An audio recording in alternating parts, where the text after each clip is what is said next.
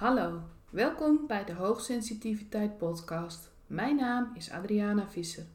Ik bied exclusieve coaching aan hoogsensitieve professionals, zodat jij een bore-out of een burn-out voorkomt en voor jouw next level in werkgeluk kiest. In deze podcast bied ik jou inzicht en inspiratie. Ik neem hem in één keer op alsof we samen aan tafel zitten. Als je mij al wat langer volgt, heb je misschien gehoord dat het intro veranderd is. Dit heeft te maken met een aantal beslissingen die ik bedrijfsmatig genomen heb. En zoals gezegd, ga ik voortaan exclusieve coaching aanbieden aan hoogsensitieve professionals. Dat is ook de reden waarom intro veranderd is.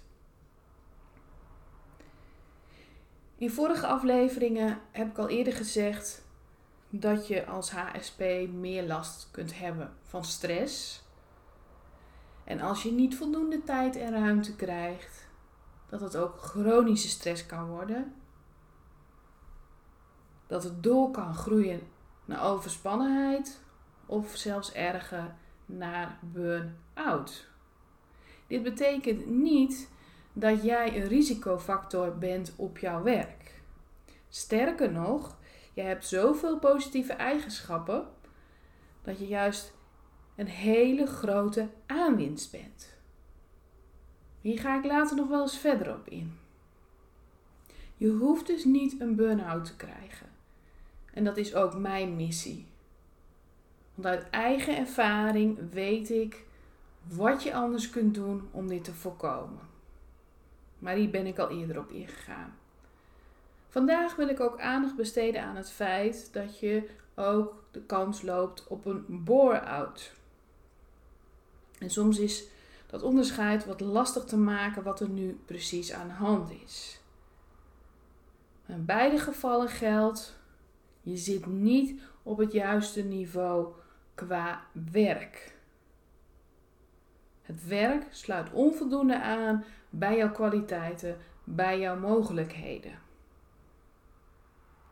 En ook bij een bore-out geldt, het hoeft niet te gebeuren als je maar op de juiste plek zit, als je waarde gezien wordt en je ruimte krijgt om jouw kwaliteiten kwijt te kunnen. Naast het feit dat je als HSP wat meer kans hebt op een burn-out, geldt dit ook voor een bore-out. Een en ander is daarnaast ook nog afhankelijk van het feit welk type HSP jij bent. Dat heeft ook veel invloed. Het ene type heeft meer kans op klachten, problemen dan het andere. En vandaag wil ik jou daar meer over vertellen. Gemiddeld genomen is het beeld dat de meeste mensen hebben bij hoogsensitiviteit dat het iemand is die introvert is, dus naar binnen gericht is, zijn binnenwereld, hoe die zelf dingen ervaart, en dat het een rustzoeker is. Dus je zoekt geen prikkels op, je blijft liever thuis, doet liever dingen alleen. Alleen zijn er dus meerdere types. Een introverte rustzoeker zal snel overprikkeld raken als hij of zij niet regelmatig alleen kan zijn. Dus het is essentieel, mocht je jezelf hierin herkennen, dat je regelmatig alleen bent en rust krijgt. Dat vermindert de stress en vermindert ook de kans op overspannenheid en burn-out. Daarnaast moet je ook oppassen als introverte rustzoeker dat je niet alle prikkels uit de weg gaat. Dat is ook niet gezond voor je. Want dan word je te weinig gevoed, gestimuleerd, geïnspireerd. Dus ook als je naar binnen gericht bent, als je meer de rust opzoekt, heb jij ook prikkels nodig. Je zult wel iets minder snel een bore-out krijgen als je onvoldoende prikkels aangeboden krijgt. Het is meer dat het ook beter voor jou is dat je dingen doet en meemaakt.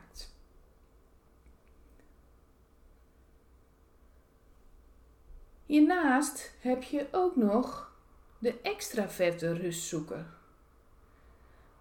Dan wordt het spanningsveld tussen rust en de gerichtheid juist naar de buitenwereld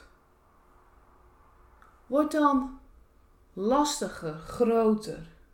Want het gaat constant om een balans. Enerzijds heb jij dus nodig die rust, alleen te zijn. Anderzijds wil je ook juist dat sociale contact. En vind je het heel erg belangrijk wat andere mensen vinden. En als je daar die balans niet in vindt, hè, dus als je te veel doorschiet naar het extra vette stuk, dan raak je overprikkeld. En dan heb je dus weer meer kans op stress of zelfs een burn-out. Omgekeerd voel jij je ook niet goed als je voornamelijk steeds rust opzoekt. Want jij hebt voor de balans nodig om ook sociaal contact te hebben. Als je in deze groep valt van extra vette rust zoeken, is die balans dus extra belangrijk. Gemiddeld genomen heb jij iets meer kans op een bore-out dan de introverte rustzoeker. Dan hebben we ook de introverte sensation seeker. Dan ben je dus enerzijds naar binnen gericht. Je houdt wel van uitdagende activiteiten, maar die wil je graag in je eentje doen of in een klein groepje. En nieuwe ervaringen hoeven niet per se met andere mensen te zijn, maar vinden meer intern plaats. Ze kunnen zich wel extern uiten. Denk aan kunst, creativiteit, spiritualiteit, dat soort zaken. Dus die sensaties moeten er wel zijn. Maar je hebt de rust ook weer nodig. En dan denk je misschien, nou dan valt dat toch wel mee, want ja, als je activiteit hebt en afwisseling, doe je het ook vooral in je eentje. Dus hoe kun je daar dan overprikkeld door raken? Nou, dat kan dus vooral als je te veel activiteiten plant. Dus ook al doe je ze alleen of in kleine groepjes, je kunt er toch te veel in je agenda plannen en te weinig rekening ermee houden dat je rust nodig hebt. Maar het kan ook intern zijn. Dat er zoveel dingen zijn waar je over na moet denken. Informatie die je tot je genomen hebt, die je door moet lezen. Nou, de introverte sensation seeker, die heeft al een veel grotere kans op een bore-out.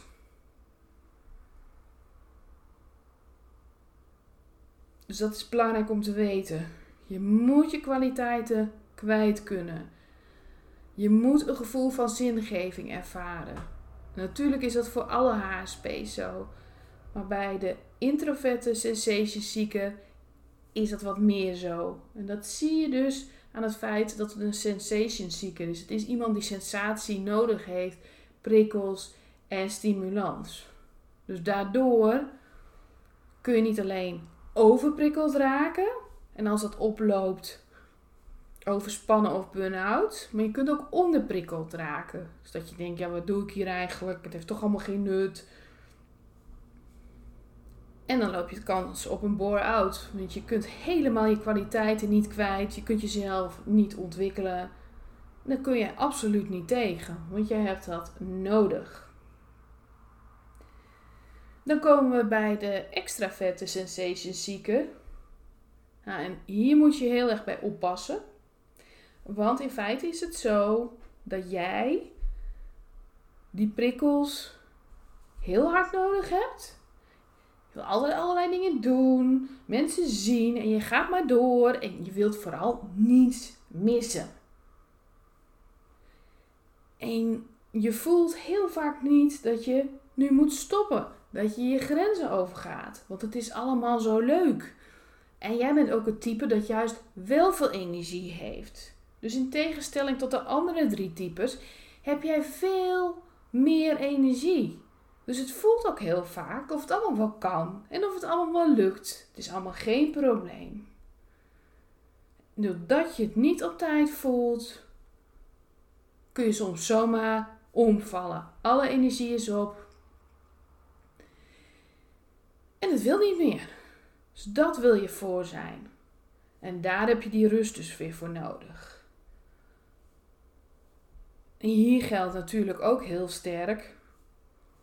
Als je echt onvoldoende prikkels krijgt, echt te weinig uitdagingen, je zit helemaal op de verkeerde werkplek, dan heb je ook een kans op een bore-out. De zingeving is weg, er zijn geen uitdagingen, je kunt je niet ontwikkelen, je kunt je kwaliteiten niet kwijt, enzovoorts. Dus kort samengevat,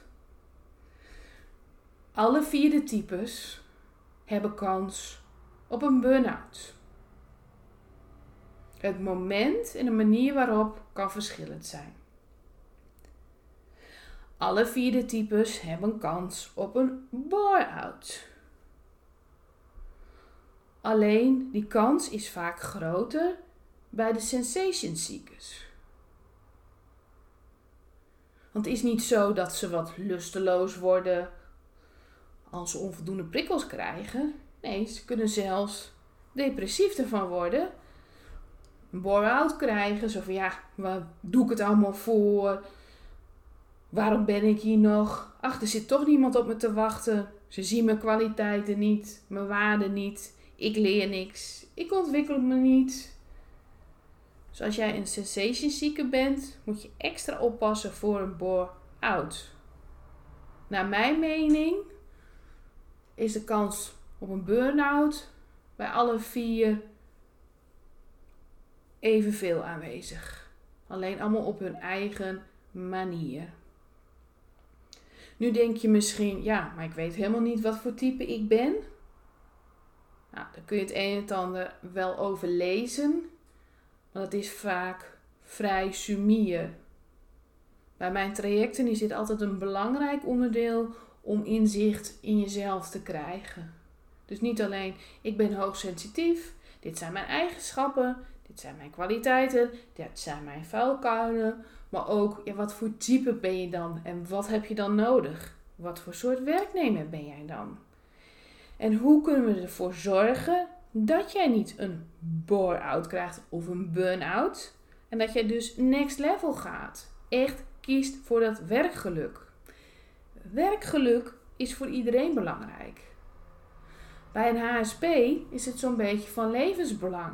Wij kunnen niet heel lang functioneren op een manier op ons werk die niet bij ons past. Want dan raken we dus onder andere overprikkeld of juist onderprikkeld. Ook dat is belangrijk om te onthouden. Let niet alleen op overprikkeling, te veel aan prikkels, maar ook op onderprikkeling. Je moet er ook niet te weinig hebben. Dan wordt het leven niet interessanter van. Nou, alle vier de types moeten daarin hun eigen balans zoeken.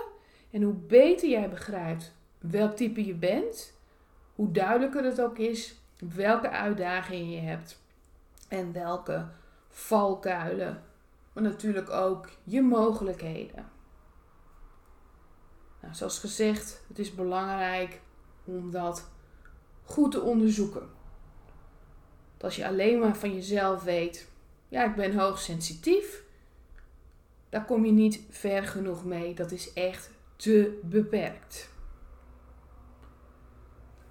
Dan wil ik nog een groep bespreken. Naar mijn mening heeft het ook heel veel invloed als je tegelijkertijd hoogsensitief en hoogbegaafd bent. Een HSP moet alles diepgaand verwerken. En daar heb je tijd voor nodig. Maar als je hoogbegaafd bent, werk je, verwerk je pardon, alles diepgaand in een veel hoger tempo. Dus het gaat meer de diepte in en het gaat ook nog eens sneller. En daardoor wil je steeds weer nieuwe informatie, nieuwe prikkels, want je hoofd is er alweer aan toe. Dat wil niet zeggen dat het ook goed voor je is. Je kunt overprikkeld raken omdat je al klaar bent met informatie verwerken, dat er ruimte in je hoofd is, maar dat je eigenlijk helemaal de energie er op dit moment niet voor hebt en je gewoon pauze moet nemen en moet stoppen. Omgekeerd kan het dus ook zo zijn dat je je gaat vervelen als je te weinig uitdaging krijgt. Zoals jouw hoogbegaafde brein onvoldoende gestimuleerd wordt, kun je weer een bore-out krijgen. Dus ook hierbij weer een delicate balans. Dit is ook iets wat van belang is om te weten. Is er sprake van een combinatie van hoogsensitiviteit en hoogbegaafdheid? Oh ja, en dan nog iets. In deze combinatie komt er vaak nog meer frustratie voor. Ik hoor zo vaak ja, waarom snappen ze dat nou niet? Waarom doen ze nou zo? Waarom volgen ze het nou niet? Waarom voelen ze het nou niet? Nou, ga maar door. Altijd weer die teleurstelling dat een ander anders denkt en handelt en doet dan jij. Omdat je ervan uitgaat dat ze allemaal net zo als jij functioneren. Maar jij bent hoogsensitief. Ik heb het verschil al vaker uitgelegd waarom je dan anders functioneert. En met die hoogbegaafdheid erbij, dan merk ik in de praktijk heel vaak dat er nog veel meer ongeduld bij komt, veel meer frustratie. En echt van, nou, ze doen volgens mij met opzet, maar ze doen echt hun best niet. Dat soort uitspraken. Of toch ook wel verdrietig, ja, ik zal hierin dus altijd anders blijven. En of je nou hoogsensitief bent of hoogbegaafd of beide, ja, je zult altijd anders blijven. Want je bent anders dan gemiddeld. En laten we wel zijn, gelukkig zijn we allemaal verschillend. Ik kan me zo voorstellen dat dit best wel veel informatie is.